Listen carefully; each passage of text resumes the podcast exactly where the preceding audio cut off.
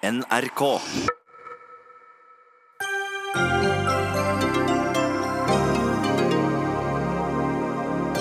Utvalg vil liberalisere søndagshandelen og bare ha litt større butikker.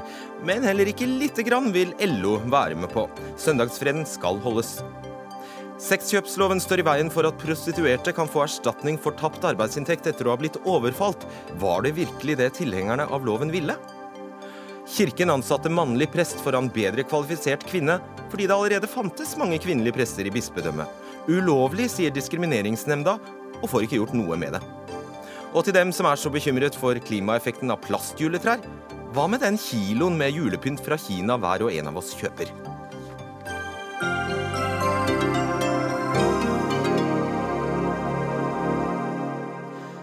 Dette er eh, Dagsnytt 18 på NRK P2, NRK2 og Alltid nyheter. Mitt navn er Fredrik Solvang. Hva gjør en regjering som innerst inne virkelig vil åpne butikkene på søndager, men som feilberegnet motstanden totalt? En regjering som gikk, fikk alt fra kirken og miljøbevegelsen til bøndene og NHO mot, NHO mot seg. Jo, en slik regjering setter ned et offentlig utvalg. Og hva blir resultatet da? Jo, et forslag om å øke størrelsen på Brustadbua fra 100 kvadrat til 150 kvadrat.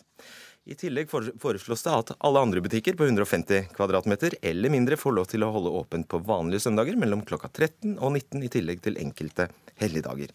Erling La, utvalgsleder. Eh, har, eh, altså, dere har altså skrevet en rapport som ble overlevert kulturministeren i eh, dag.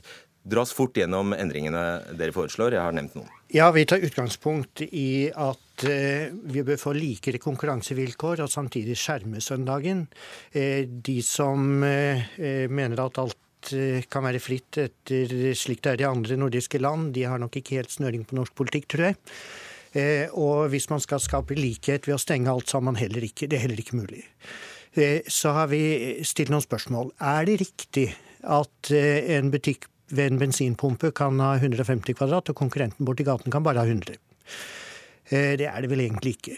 Eh, og så har vi spurt eh, hvordan bør man begrense reglene på søndag? Bør man begrense ut fra vareutvalg, eller bør man begrense ut fra størrelse?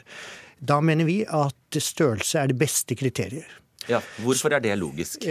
Fordi det er i praksis ikke mulig eh, lenger å ta utgangspunkt i vareutvalg. Det er iallfall vanskelig, fordi at vareutvalget er veldig blandet etter hvert.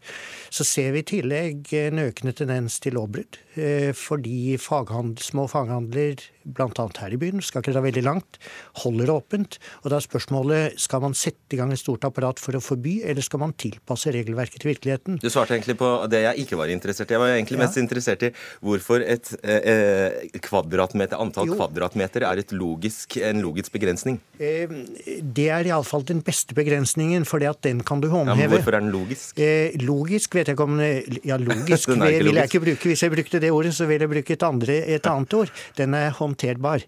Å oh ja, håndterbar. Eh, den er håndterbar. Et konkurranseperspektiv bedre.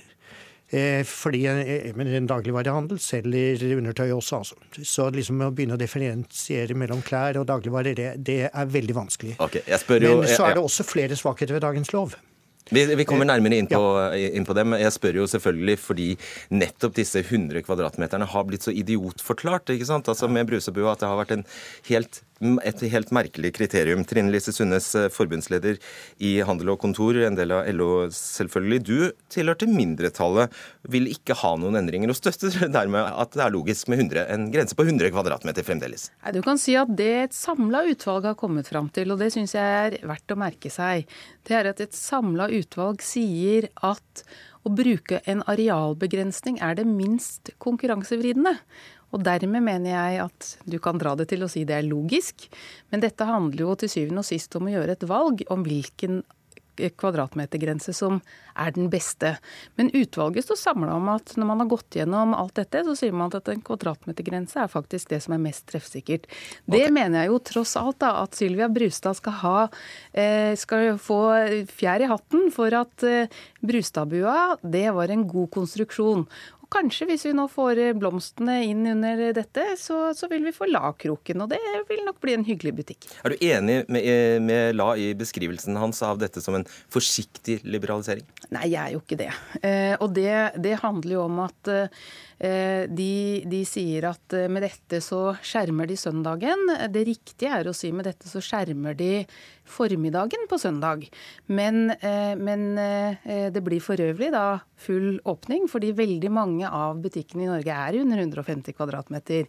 Så da vil vi gå fra et system med 600 Brustadbuer i dag, til vel 13 000 alt mulig annet butikker også. Og det mener vi er en for sterk liberalisering. Når det er sagt, har utvalget gjort et godt arbeid. Forsiktig høres ut som et litt uh, malplassert adjektiv, kanskje? Nei, jeg vil kalle det en forsiktig liberalisering. At uh, dagligvarebutikker skal kunne ha samme areal som butikken på bensinstasjonen. Det syns jeg ikke er noen stor liberalisering. Men du er enig i at antallet vil øke noe dramatisk? Nei, ikke dramatisk. Jeg tror vil, noen vil bygge om eh, og få seg et større areal. Mange vil ikke gjøre det. Noen flere vil kunne holde åpent. Eh, og jeg syns nok at det denne debatten har vært kjent av, det er nokså ville overdrivelser. Eh, det har vi også blitt møtt med når vi har vært i utlandet, at de syns temperaturen i norske debatten er litt underlig. Men det har også vært fordi det har vært et enten-eller-debatt. Ehm, og eh, man, eh, For å ta litt Trine Lises parti. altså Det er jo ikke sånn at det er vanskelig i Norge å få matvarer på en søndag. Fire millioner mennesker har kortere tid enn 15 minutter til dagligvarebutikken på søndag. Eh, og tre millioner fem minutter. Så det er liksom ikke det det dreier seg om. Nei, det Hva dreier det seg om da? Hva, hva er da poenget med hele utvalget? Rett og slett forskjellsbehandling og konkurransevridning i tillegg til Men unnskyld, det, det jeg da ikke forstår. Handelen vil ikke ha det? Nei, fordi eh, det, det, er helt riktig. Og det er fordi enhver ombygging koster penger. Eh, hvis du spør en bensinstasjoneier om det er bra at dagligvarehandelen ved siden av også får 150 nå, så vil vedkommende selvfølgelig svare nei, fordi at det blir en eh, tøffere konkurranse. Ok, Så til noen av disse eh, unntakene. Vi har altså en lov i dag som bl.a. tillater hagesentre å holde åpne, eller steder som kaller seg såkalte turiststeder. Er du for å opprettholde ja, disse, disse unntakene også? Jeg er for at vi foretar en opprydning, men jeg er ikke for en så sterk grad av liberalisering som eh, flertallet i utvalget foreslår. Hva betyr opprydning? Eh, en opprydning, blant annet så syns jeg det ligger et veldig godt forslag der når det gjelder eh, turiststatustilnærmingen. Å flytte beslutningene fra fylkesmennene og opp på departementalt nivå. Det vil gjøre at det blir likebehandling over hele landet. Og det er nettopp noe av det, fordi det har vært ulikebehandling, og det viser rapporten veldig tydelig. Nettopp noe av det som gjør at denne debatten blusser opp hele tiden. Fordi man finner det litt urimelig at man blir forskjellig behandla på et regelverk som er ment å virke likt. Men det vil innebære at Beitostølen vil antagelig fortsatt være et shoppingmekka? Eh, det vil helt sikkert. Eh, men for å ta et eksempel nettopp fra Valdres og Hallingdal. Hallingdal seks kommuner. 20 000 innbyggere. Valdres seks kommuner. 20 000 innbyggere. Akkurat like mange hytter. Akkurat like mange turister. Alle Hallingdalskommunene er turistkommuner i hele kommunen. Ingen av Valdres-kommunene er det. Der er det punkter i tre kommuner. Eh, det skyldes eh, ene og alene at det har vært forskjellig holdning i to fylkesmannsembeter. Mm. Og sånn kan vi ikke ha det. Nei, Så da du er i prinsippet enig om at det hadde vært bedre å elevere dette opp fra ditt nivå til departementsnivå? Eh, tolv av 14 utvalgsmedlemmer mener det. Ja. Å ja, nettopp. Hva skjer nå, hvis du, hvis du, kan være grei å ta av deg handel- og kontorhatten og LO-hatten et øyeblikk og være eh, objektiv politisk analytiker her, hva kommer til å skje med dette, denne rapporten? Nei, altså For å si det sånn, jeg mener jo faktisk at utvalget har gjort et veldig godt stykke arbeid gjennom å samle informasjon om varehandelen. Det er det første offentlige dokumentet vi har som har så mye informasjon om denne næringa. Så alle de som nå eh, føler at de har litt mangelfull kunnskap om hvordan, eh, hvordan sammen sammensatt, de har mye å hente gjennom å lese denne, debatten, nei, denne rapporten. Så vil det være sånn at det ligger allerede et forslag i Stortinget, reist av Arbeiderpartiets representanter, om å videreføre dagens lovgivning. Jeg setter jo min lit til at, eh, at stortingsflertallet støtter oss på det. Men, men, når det er sagt, så er det jo også rom for noe sånn fintuning her. Sånn at regelverket virker bedre. Ok, La meg stille det samme, samme spørsmål til deg. Eh, altså jeg er helt overbevist om at hvis man ikke gjør noe som helst, så kommer dette regelverket til å råtne litt på rot og spises opp innenfra. Bare i løpet av det siste året mens utvalget har jobbet, så har vi fått ti nye turistkommuner som ikke har reguleringer på søndag i det hele tatt. Eh, og vi ser stadig flere små faghandlere som holder åpent selv om det ikke er lov. Men unnskyld, det, det politiske flertallet som kanskje en gang var Antagelig var det ikke der noensinne for søndagsåpne butikker. Det, bare, det blir mindre og mindre for hver dag, det?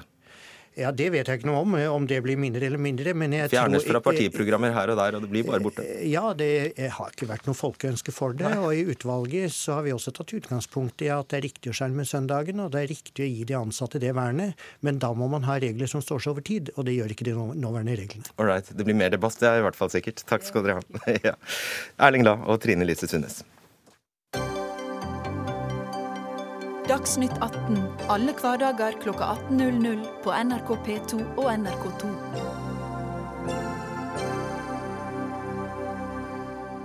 Åtte prostituerte kvinner i Oslo ble ranet, sparket og slått på hotellrom og i hjemmene sine. I en periode etter ranet kunne de prostituerte ikke selge seksuelle tjenester grunnet skader og traumer. Høyesterett har nå nektet dem erstatning for tapt arbeidsinntekt, fordi sexkjøpsloven fastslår at prostitusjon er svært uønsket virksomhet i Norge. Janne Winterbauer, tidligere prostituert og leder for Pion sexarbeidernes interesseorganisasjon. Nå har altså Høyesterett konkludert med at eh, de prostituerte har ikke krav på arbeidserstatning for tapt eh, inntekt. Hvilket, eh, hvilken status eller hvilken rettslig status skaper det for prostituerte i Norge, da? Eh, det er jo enda en ny måte å tråkke, tråkke ned en, en meget uh, svak gruppe. Som allerede ligger nede på rangstigen. Og nesten, nesten bare, bare snu seg og, og godta at, at, de blir utsatt, utsatt for, for vold. Og for ordens skyld, din holdning til loven, for det vil vi merke er vesentlig her etter hvert. Ja, den, eh, den er jeg absolutt imot. Den burde, burde, fjernes. Og Venstre gikk jo sånn brei munnen ut og sa det at den skulle de nå fjerne. Det første de skulle gjøre når de kom til makt. Ja. Det har de jo ikke gjort. Og nå har, eh, har Høyesterett etter din mening nå brukt nettopp sexkjøpsloven mot dere. Riktig. Mm. Morten Jeg la det snor i munnen på det der, merket jeg, men eh, det får gå. Morten Kielland, professor på Institutt for offentlig rett ved Universitetet i Oslo. Hva er det Høyesterett har lagt vekt på? Avgjørelsen er avsagt med tre mot to stemmer, så det var altså uenighet i Høyesterett. Og Ser man på flertallets argumentasjon, så la de eh, bl.a. vekt på at det er et forbud mot eh, kjøp av seksuelle tjenester. Og Det ble et argument eh, for flertallet, som da nektet erstatning. Og Det ble også vist til denne Vista analyserapporten, som er en evaluering av om loven har nådd sine virkninger. Og Der er det i hvert fall noen foreløpige indikasjoner på at det har virket dempende på etterspørselen. Også Hvis man ser på mindretallet, så er de mye mer på å legge vekt på at dette er en sårbar gruppe. Det er en gruppe som trenger et spesielt rettsvern. Og de ville da tilkjenne erstatning. Det ble også vist til at eh, de hadde en mindre tro på at denne tilkjenningen, hvis de hadde gått for det, av å tilkjenne erstatning ville virke fremmende på prostitusjonsvirksomheten. Men er det, er det, virkelig det flertallet sier, at hvis vi gir disse erstatning, så vil mange flere gå ut og prostituere, eh, prostituere seg? Man ser en forskjell i måten de har argumentert på. Flertallet er mer på å vektlegge det som er de intenderte lovformålene, mens mindretallet i større grad fokuserer på de faktiske begrensende virkningene. Og med intenderte lovformålet, ja, altså de, så mener du at flertallet altså viser til at det i, i sexkjøpsloven slås fast at prostitusjon er ikke ønsket i Norge? Både flertallet og mindretallet er på at det er uønsket, men flertallet de har en større tro på at det å tilkjenne erstatning vil sende et uønsket signal. Betaler de skatt? Man betaler eh, skatt av denne tjenesten, og mindretallet i Høyesterett vektlegger at det at det er avgiftspliktig, skattepliktig, ut fra hensynet til en god helhetlig regulering, det tilsier at de også bør nyte erstatningsrettslig vern. Med andre ord, Astrid Therese Theisen, sentralstyremedlem i KrFU. De betaler skatt, de driver ingen ulovlig virksomhet eh, i det hele tatt, men de frarøves altså da alle sosiale rettigheter, og de får endog ikke erstatning etter å ha blitt slått ned. Altså, først må jeg få lov til å si at eh, jeg føler utrolig med disse kvinnene eh, som har blitt utsatt eh, for en vold som jeg ikke kan forestille meg. Jeg syns det er utrolig vondt å høre, om, høre det historien de forteller.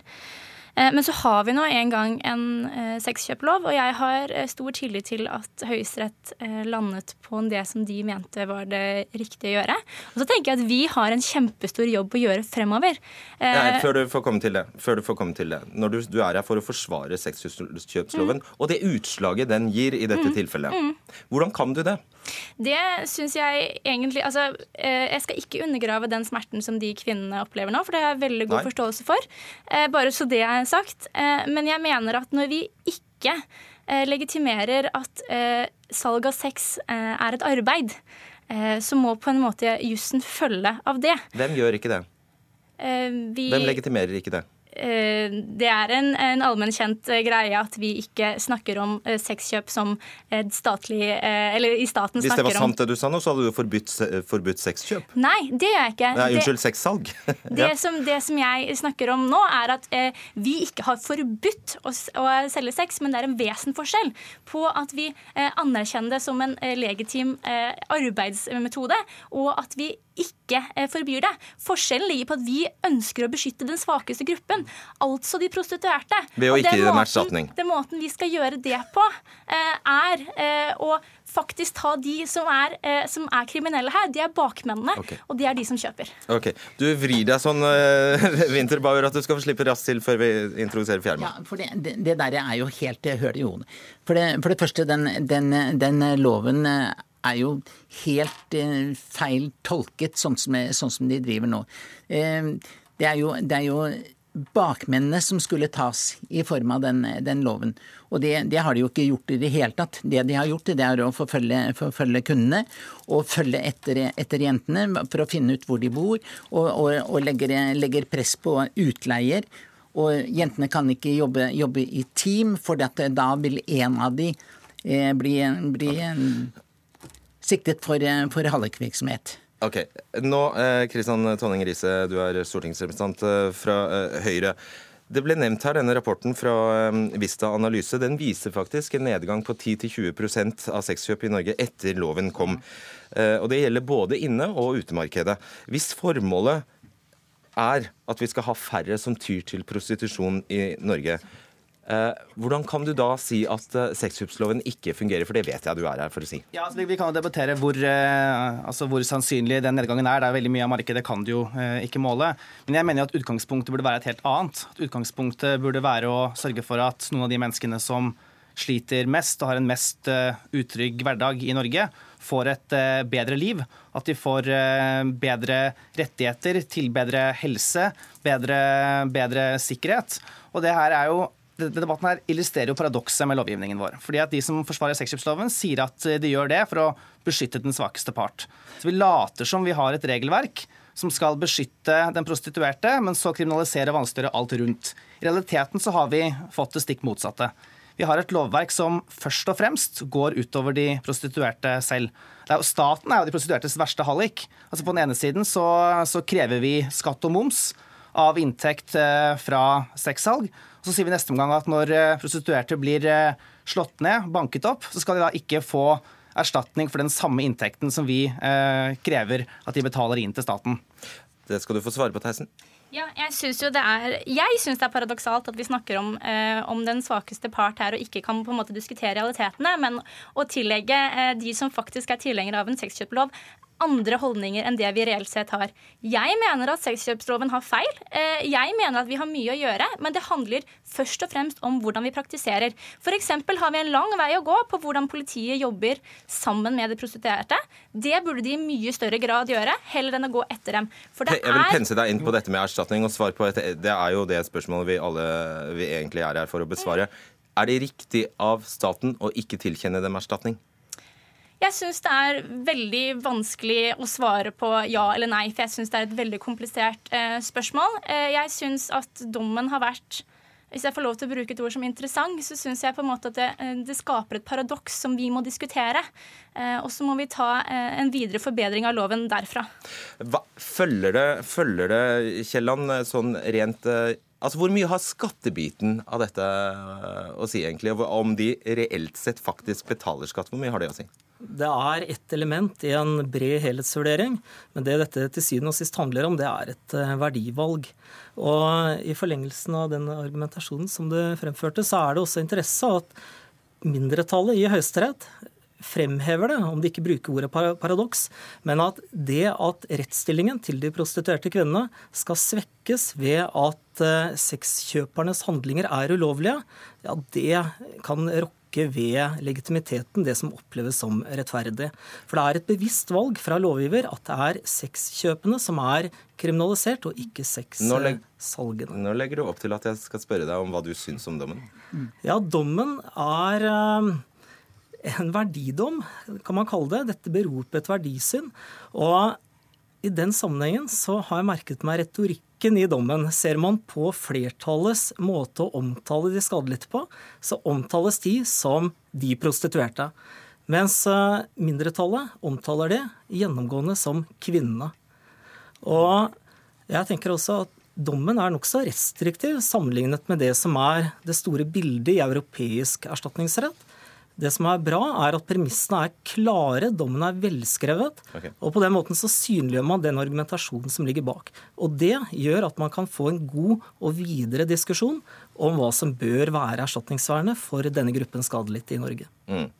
Uh, Winterbauer, ofte sitter jo prostituerte, og det er dere veldig opptatt av. Prostituerte i en uh, tvangssituasjon der man ikke har annet uh, valg enn å ty til sexsalg for å tjene til livsoppholdet. På den måten så vil jo kjøp av sex være en grov utnyttelse av mennesker som har en svak, svak, posisjon i samfunnet. Skal det da ikke være noen straff i det hele tatt for å delta i slik aktivitet? Det vil jo være konsekvensen. Du vet, de, Disse jentene som kommer, kommer hit, de, ikke, de, kommer ikke hit for å være turister. De kommer hit for å, for å overleve. Ja.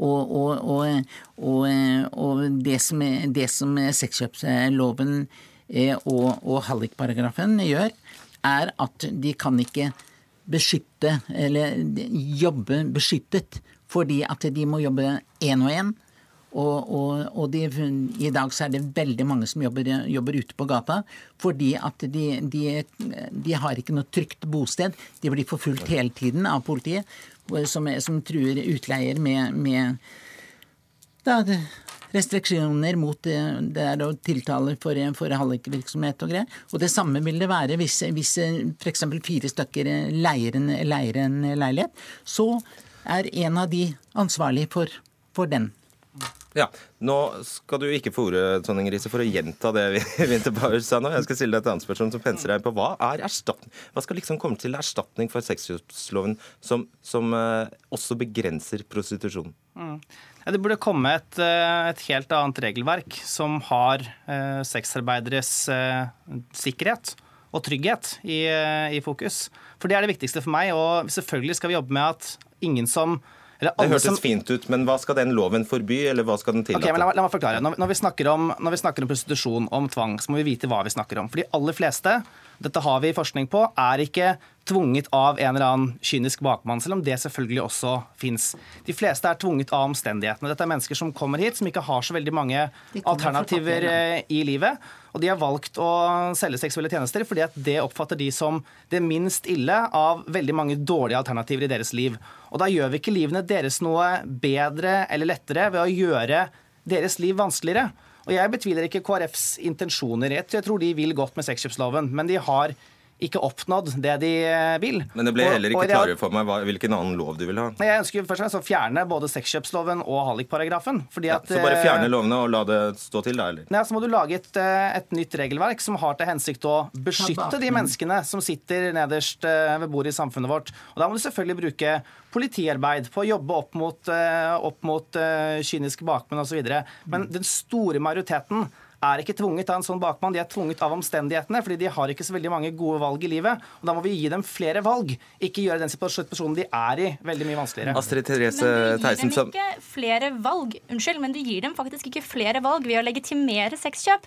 Tvert imot så gjør du situasjonen bare vanskeligere for de kvinnene som ønsker å gå ut av prostitusjon. Når du sender et signal, ved å fjernet sexkjøpsloven, som da sier at det er greit at uh, du jobber som prostituert, vi vil ikke løfte deg i samfunnet. du sier jo selv, ja, vent litt, du sier selv, Theisen, pressen at du, syns det er vanskelig å ta stilling til akkurat dette tilfellet med erstatning. Og som, som Kielland påpeker, dette er en verdibasert dom. Når vi da har en lov som er så norm... Som, som legger opp til at vi får dommer basert på, hva, på, på verdier, så er det vel noe feil med loven?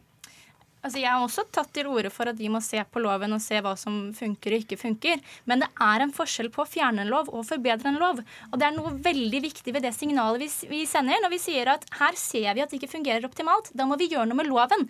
Men løsningen da blir ikke å fjerne den, for da sender vi et veldig tydelig signal om at det er greit å utsette disse menneskene, bl.a. Eh, fra Nigeria og Øst-Europa, som den største gruppen er. Eh, også, eh, for ikke å snakke om bakmennene eh, i menneskehandelsspørsmål. Eh, vi er nødt til å sende klare signaler til dem at det de holder på med, det slår vi ned på. Derfor må vi f.eks. For fortsette arbeidet med exit-grupper, som vi har i Bergen. Ok, veldig kort. Ja, men det er ikke bare, altså Du kan ikke forbedre en lov når det er forbudet mot sexkjøp i seg selv som skaper problemene. Det er det forbudet som gjør at politiet går fra å være noen som prostituerte kan alliere seg med, til å være noen de må beskytte seg mot. Det er det forbudet som gjør at man blir mer avhengig av farlige kunder. Det er det forbudet som gjør at eh, kondom for eksempel, har gått fra å være noe som man før stilte ufravikelige krav om, som det nå, som nå forhandles om. Og det her sier jo også Verdens helseorganisasjon at dette virker direkte negativt mot det forebyggende arbeidet mot, eh, mot hiv og aids. Så det er sexkjøpsloven i seg selv som skaper mange av disse problemene. Og da kan man ikke bare forbedre den loven, da må den loven fjernes. Det vil jeg spørre professoren om. Stemmer det? Det er mye som tyder på at uh det å innrømme et erstatningsvern det vil ha en begrenset atferdsstyrende virkning. Jeg tror ikke det er den riktige måten å, å styre samfunnet i en annen ønsket retning på. Eh, så I så måte så er jeg enig med mindretallet i dommen. Og det har også vært tradisjonelt et mye klare skille mellom det som er f.eks. strafferettens formål, virke straffende, og det som er erstatningsrettens formål om å virke gjenopprettende. Ok, Til slutt, Winterborg. Hva er det? Altså Sitter de prostituerte nå igjen med Eh, ikke får de pensjon, ikke får de eh, kan, kan, ikke sykemelde, eh, bli sykemeldt. Nei, du vet, du vet, Har man noen som helst rettigheter? Nei. Du vet, du vet før, før sexkjøpsloven kom, så, så, hadde de faktisk mulighet til å anmelde voldelige kunder og, og, og, og bakmenn som, som, var voldelige. I dag så kan de, ikke, kan de ikke gjøre det, og i hvert fall ikke med, med kundene. For det, det vil det samme, si det samme som å blåse den på, på 10 000-15 000 i, i mulkt og, og greier. Eh, og derfor, derfor så, så, så går, jo ikke, går, jo ikke, jentene og anmelder når det de blir utsatt, utsatt for vold. De, de, blir jo For de vet resultatet ut av det. Saken blir, blir henlagt, etc., etc. Vi må sette strek der. Takk skal dere ha, Janni Winterberg, Morten Kielland, Astrid Therese Theisen og Christian Tonning Riise.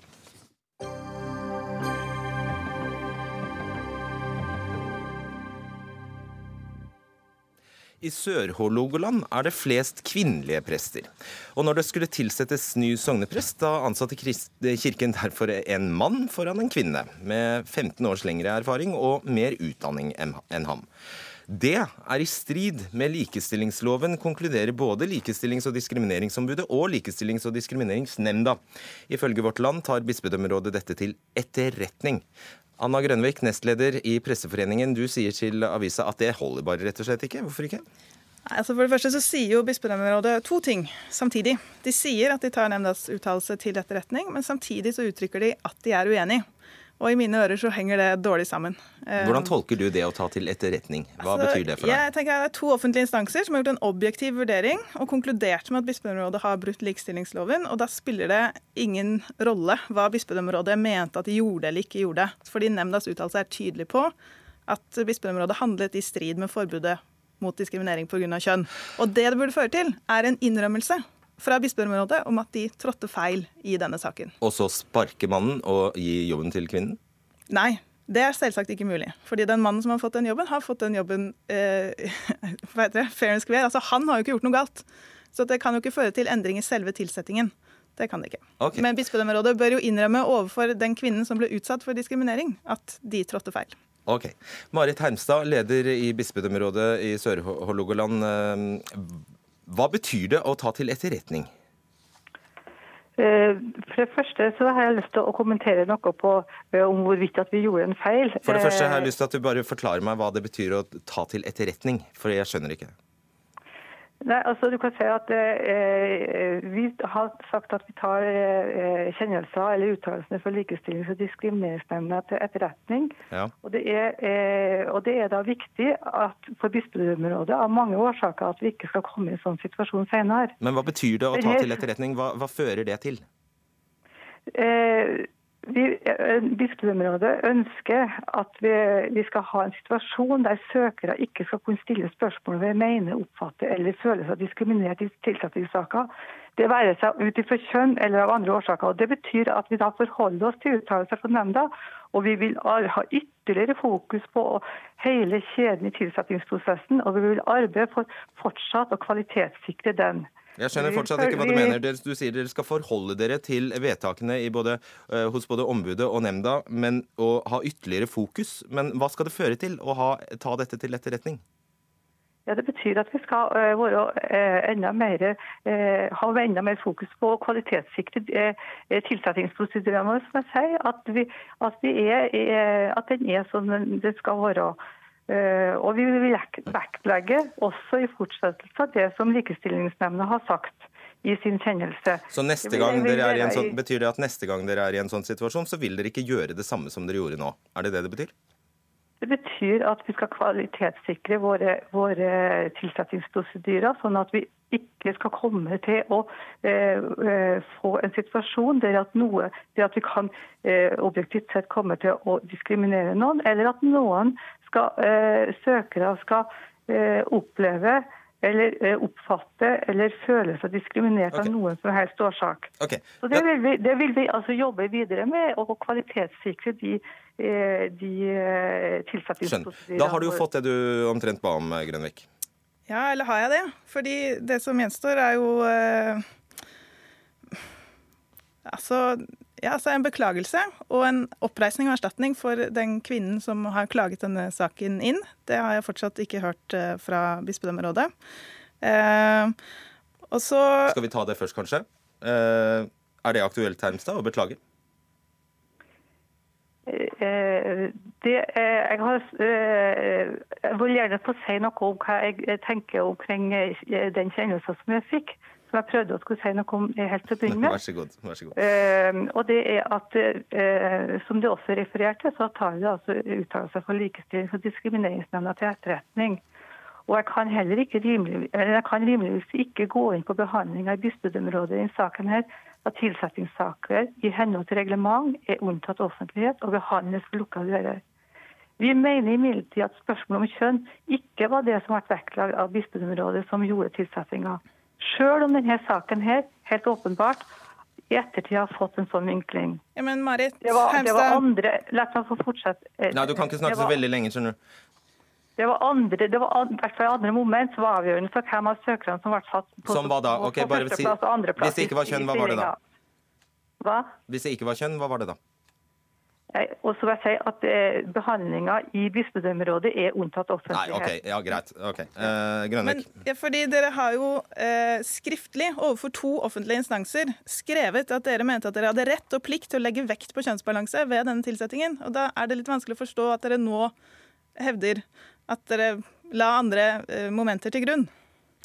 Jeg har ikke noe, noen flere kommentarer akkurat enn det jeg har sagt om det her. Og, og sånn at Stemmer det for at, stemmer det at denne kvinnen, Hilde Fylling, hadde 15 års lengre relevant erfaring og mer utdanning enn han som fikk jobben? Stemmer det? Eh, Som, eh, det er ulike måter å vurdere de, de tingene eh, der på. og Jeg har ikke mer kommentarer på hva som i hvert fall eh, har vektlagt i sin Det er ganske objektivt å kunne vurdere om noen har 15 års lengre ut, erfaring enn andre, er det ikke det? Ja, Det er forskjell på, på, og på erfaring i forhold til når en er utdannet som prest og, når og kirkelig erfaring. Ok. Det denne saken eh, Grønvik viser, er at eh, man kan faktisk, unnskyld uttrykket, gi blaffen i eh, vedtak fra Likestillings- og diskrimineringsombudet og fra nemnda. Så Så det, ja, jeg mener jo at det kan de jo ikke gjøre. Så det jeg forventer, er jo at Men de kan jo det. Eh, altså, det kan de si, men eh, vi forventer jo å se en holdningsendring hos arbeidsgiver. Ja, men Hva kan du gjøre da? Eh, vi kan eh, uttrykke overfor arbeidsgiver at vi ønsker å se en holdningsendring hvor man ikke betviler denne type tolkninger. Og så må arbeidsgiver ta eh, initiativ til at vi får en gjennomgang av personalreglementet og den setningen i personalreglementet som har ført til at eh, man har valgt å la personalreglementet overstyre likestillingsloven. Eh, Og det er jo opplagt eh, for enhver som kjenner hierarkiet i lov- og avtaleverk, at personalreglement er underordnet likestillingsloven. Men du, bare et siste spørsmål, du må svare eh, kort på det. Du er enig med meg i at hvis det kommer en helt tilsvarende dom fra, eller uttalelse fra likestillings- og diskrimineringsombudet, og, og så fra nemnda, så vil nøyaktig det samme kunne skje igjen? Det håper jeg ikke. Greit. Takk skal dere ha, eh, Anna Grønvik og Marit eh, Herm Hermstad.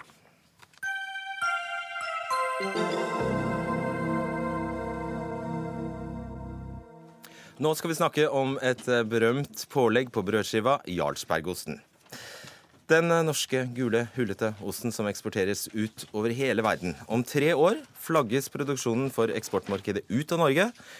Produsenten Tine er i full sving med å bygge et stormeieri i Irland for å selge den kjente osten i utlandet med irsk melk. Men nå skaper denne utflaggingen eh, krangel mellom eh, giganten Tine og de mindre konkurrentene Kumeieriene og Synnøve Finden. Jonny Ødegaard, direktør for medlems- og næringspolitikk i eh, Tine. Dere var jo veldig imot å flytte, eller egentlig å avvikle denne eksportstøtten, men gjør det, gjør det altså eh, nå. Hvorfor til Irland? Flere, flere årsaker på det. Vi har sett på, på flere alternativer. Eh, Irland har en høy kvalitet på melkeproduksjonen sin. Det er veldig flinke melkeprodusenter. En flinke meierifolk.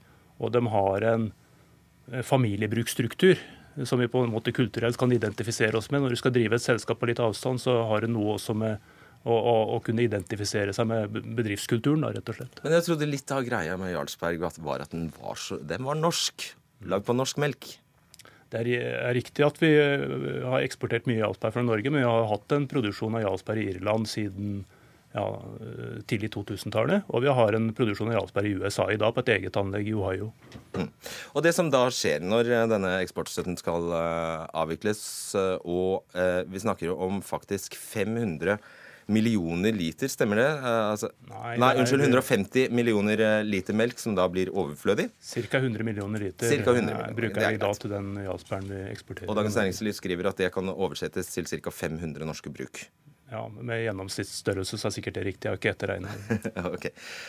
Da er det store spørsmålet hva skal skje med denne melka? Og hva, ikke minst, hva skal skje med de pengene som da er tatt inn? Fordi det er vi som har betalt for denne eksporten. To kroner på literen. Noen av de pengene, og pluss selvfølgelig overføringer over statsbudsjettet, men i hvert fall to kroner literen. Og en del av de pengene har altså gått til denne eksportstøtten. Hva mener dere i Kumeieriene, Karl Johan Ingvaldsen, styreleder der? At disse pengene Vi snakker 90 millioner ca. Ja, det stemmer. Det er 90 millioner kroner Hva mener dere de pengene skal uh, brukes på når uh, Tine nå ikke lenger skal bruke dem til eksport? Vi har fremma et uh, offensivt forslag som vi tror er en vinn-vinn-situasjon for forbrukerne og for norske bønder. Og vi mener at for det første vil forslaget da gi et økt mangfold av produkter til forbrukerne. Okay. Og I tillegg så burde det være bra for den norske bonden. Så vi ønsker å omdisponere de midlene og støtte innovasjon og nytenking. Så vi skal fortsatt betale to kroner ekstra for literen, bare for at du skal få eksperimentere litt? Ja, Det er noen øre av de, de to kronene som går da til eh, Ja, Men du vil fortsatt, du vil ikke gi meg noen prisrabatt, eh, selv om eksporten opphører? Nei, Vi ønsker å bruke de pengene offensivt, for vi vet at vi får da 10% for mye melk om et par år. og Da tenker vi at mangfold vil hjelpe forbrukeren og også norsk landbruk over hele landet. Et slags fond? Ja, et fond. Okay. Uh, Sofie Orhaug Rygg, direktør for samfunns- og myndighetskontakt i Synnøve Finden. Er dette en god idé? Vi syns kanskje ikke at et innovasjonsfond er den aller beste ideen. Vi må se på hvordan den innretningen blir. Vi mener jo at disse pengene skal brukes på konkurransefremmende tiltak i sektoren sånn som det er i dag, styrke de, sånn at vi får bedre konkurranse i markedet. Det?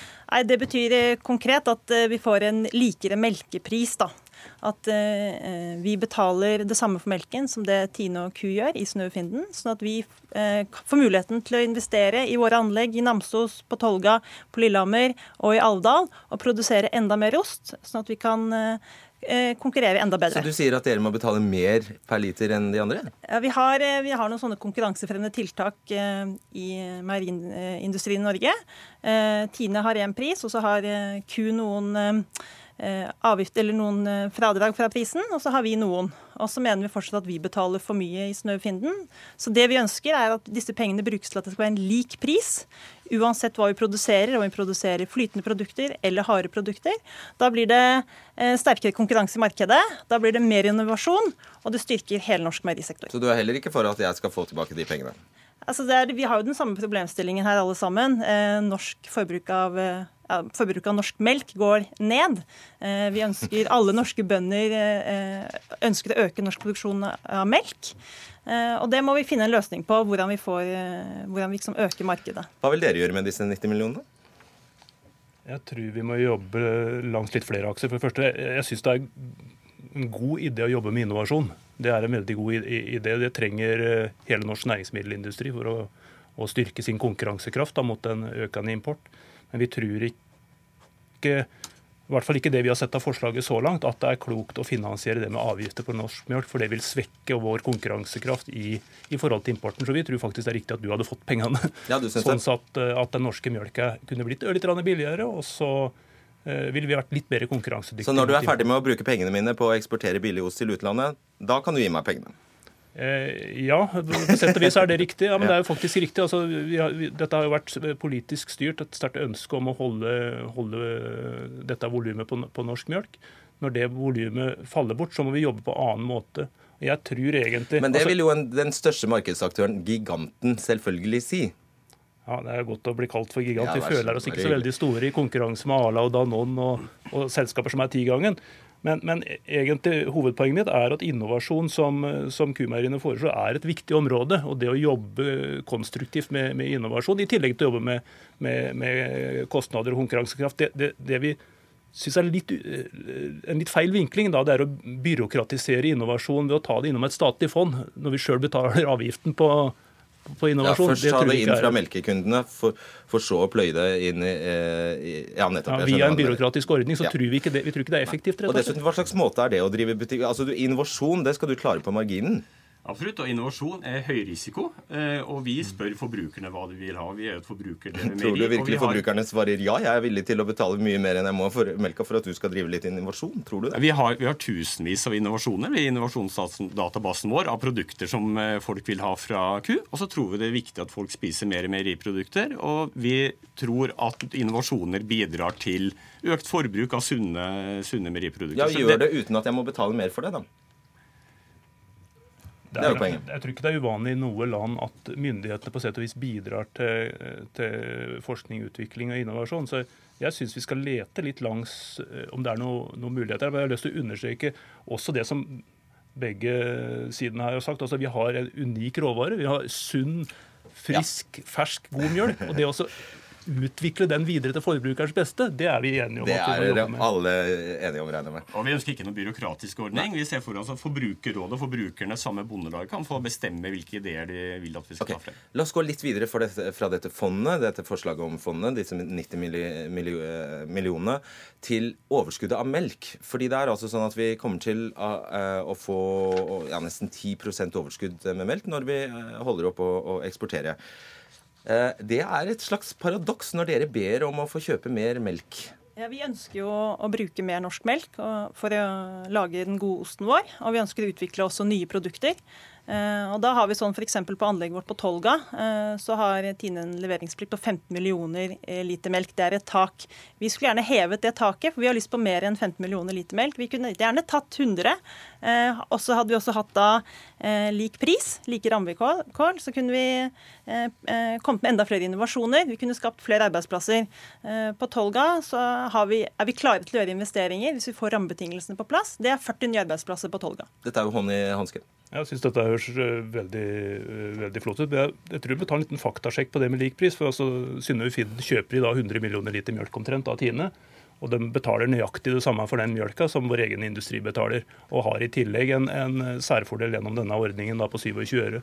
Så det, alt ligger til rette for å foreta de investeringene med de ordningene vi har i dag. Men, men, men svar på det. Hva mener Jeg må bare svare på det. ja, Bortsett fra at dette er noe vi nesten ikke forstår, så Nei. veldig kort. Nei, men Jeg trenger ikke gå inn i detaljene, men man har en ordning i dag eh, hvor man sier at man har en feilretting av prisen. Det er depart- alle er enige om at vi betaler høyere pris enn Tine. Betal, Departementet- på faktura- din står en annen pris. Bare si at det ikke stemmer. Vi Står skjønner. en annen Det står en annen pris på fakturaen din enn den som sendes til dine industri. Men tilbake. ok, det, det, det, Dere er alle bekymret for at vi drikker og konsumerer mindre re, eh, melk.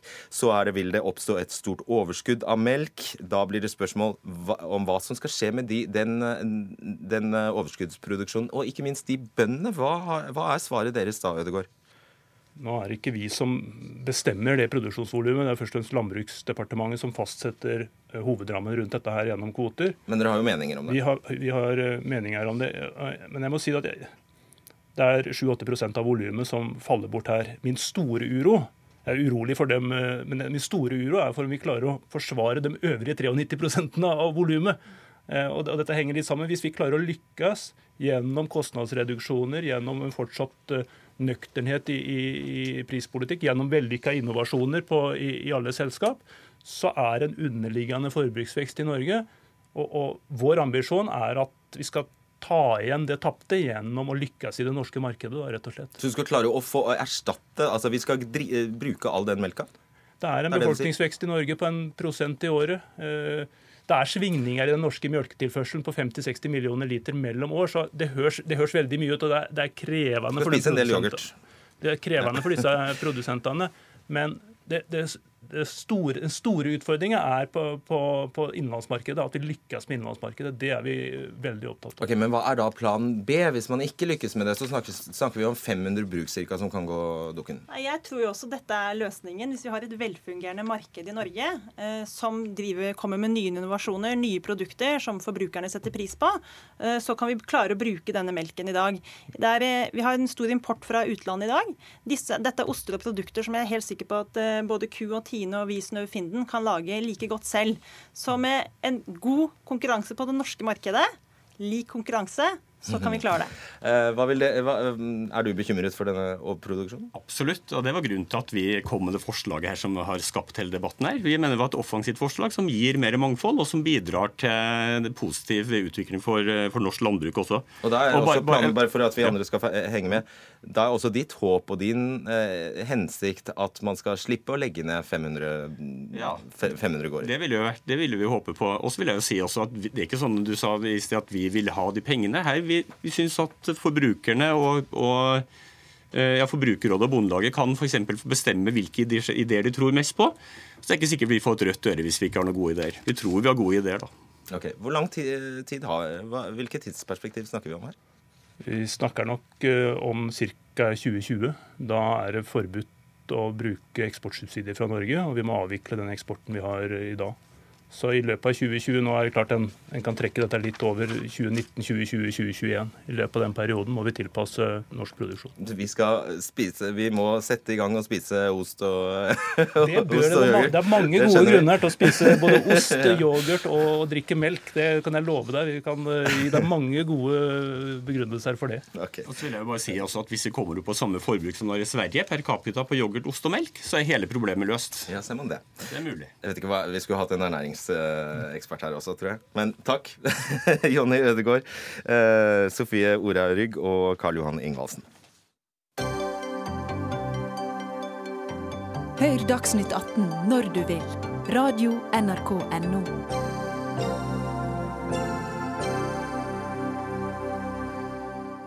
I går våknet vi opp til denne formaningen fra Miljøpartiet De Grønnes Rasmus Hansson.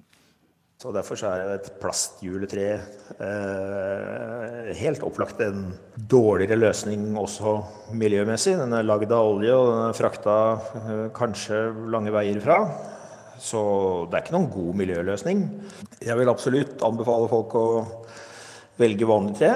Det er hyggeligst, det lukter best, eh, det ligner mest på en julegran, og eh, det er finest for miljøet. Dessuten så var det levende trær, som eh, var julas opprinnelse. Vel, Stemmer det Rasmus Hansson sier her, at det er mye bedre for klimaet å velge naturlig tre? I alt 1,8 millioner husstander har juletre. Av dem er eh, ja, ca. 350 000 plasttrær. 400 000 importeres fra Danmark, og 1 million juletrær stammer da fra norske juletreprodusenter. Blir det mindre CO2 i atmosfæren om vi lar julegrana få vokse, og i stedet importerer en buskvekst i plast fra Kina. Inger Sundheim Fløystad, juletreforsker faktisk ved Norsk institutt for bioøkonomi. Hva er svaret på spørsmålet?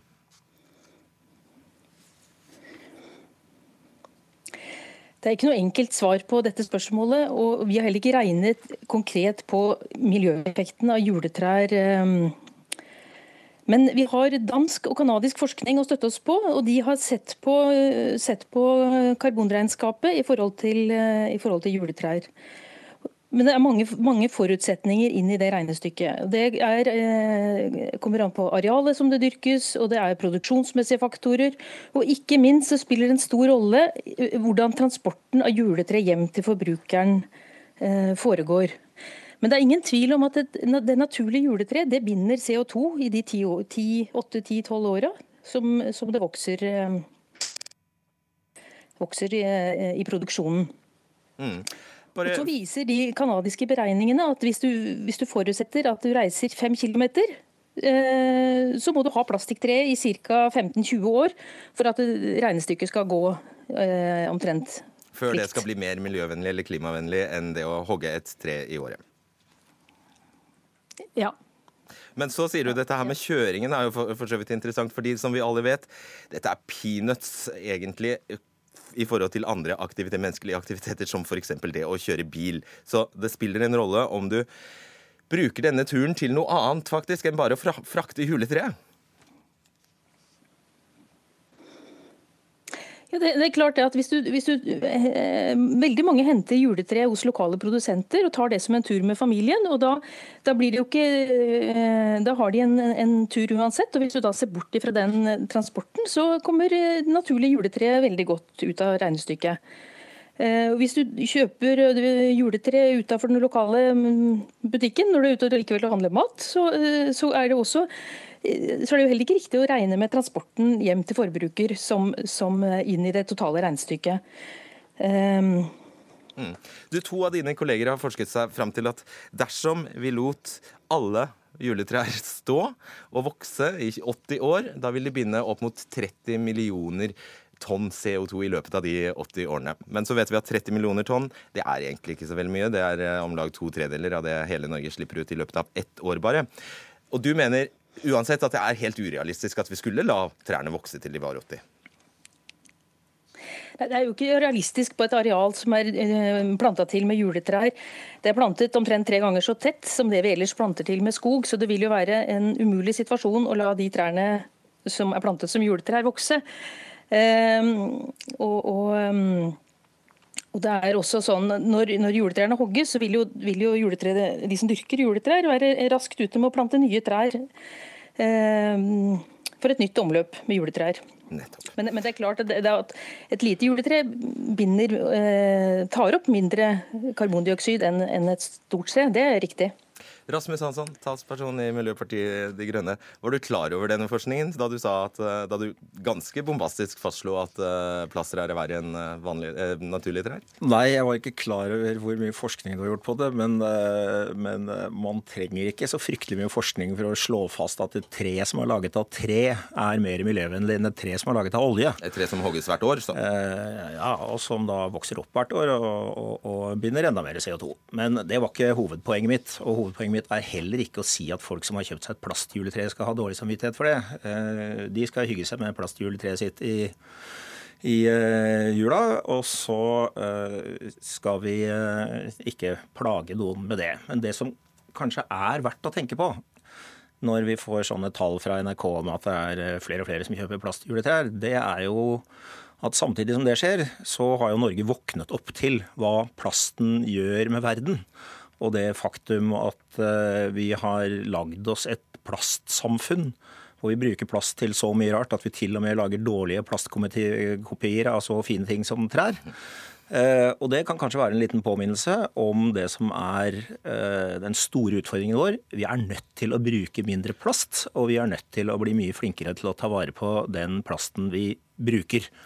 Anna Bistrup, helsefaglig rådgiver i Norges astma- og allergiforbund. Får jo bare tro Hansson på at han ikke mente å gi oss dårlig samvittighet, men hvordan reagerte du på den det man må kunne tolke som en pekefinger, i det minste. Ja, jeg tenker vel det at uh, det å forby en, vare sånn som det her, er jo kanskje ikke riktig veien å gå. Uh, nå er det faktisk sånn at det er ganske mange som uh, har astmaallergi og som faktisk har behov for et plasttre. Og det å da skulle høre at eh, du er eh, litt miljøvennlig og skadelig for miljøet og i en sånn dårlig samvittighet, er kanskje ikke det som er hyggeligst å høre nå rett opp i jula. Nå er det sånn at eh, mange reagerer på juletre, og det er et behov eh, der ute for et sånt produkt også. Ja, Hvis NRK hadde tatt med alt det jeg sa i det intervjuet, så ville jeg fått med at det første jeg sa var dette er ikke noe stort miljøproblem. Eh, det tok de ikke med. Og det fastholder jeg, at det er ikke det. Og det er ikke noe grunn til å ha dårlig samvittighet. Kan ikke skylde på media, et, eh, Hansson. Jo, eh, når man når media Du velger selv hva du vil kommentere og snakke Nei, om. Nei, når media klipper vekk det jeg faktisk sier, så skylder jeg bitte lite grann på media. Men saken er, det er en morsom, det er en morsom sak. Folk som lider av astma og allergi, skal selvfølgelig uh, skaffe seg de uh, sakene de trenger for å uh, unngå det problemet. Jeg har aldri sagt et ord om å forby plastjuletrær, men det er to ting som er viktig å huske på, syns jeg. Det ene er altså påminnelsen om at det vi Hvis du skal si det med om plast, vi, så har du sagt det. Vi lever i et samfunn hvor vi bør lage flere ting av tre. Vi bør lage trær av tre. Vi bør lage regjeringsbygg av tre, og vi bør lage andre ting av resirkulerbart materiale. Og så skal de som har eh, astma eller allergi, få klare seg eh, uten det som de får astma og allergi av.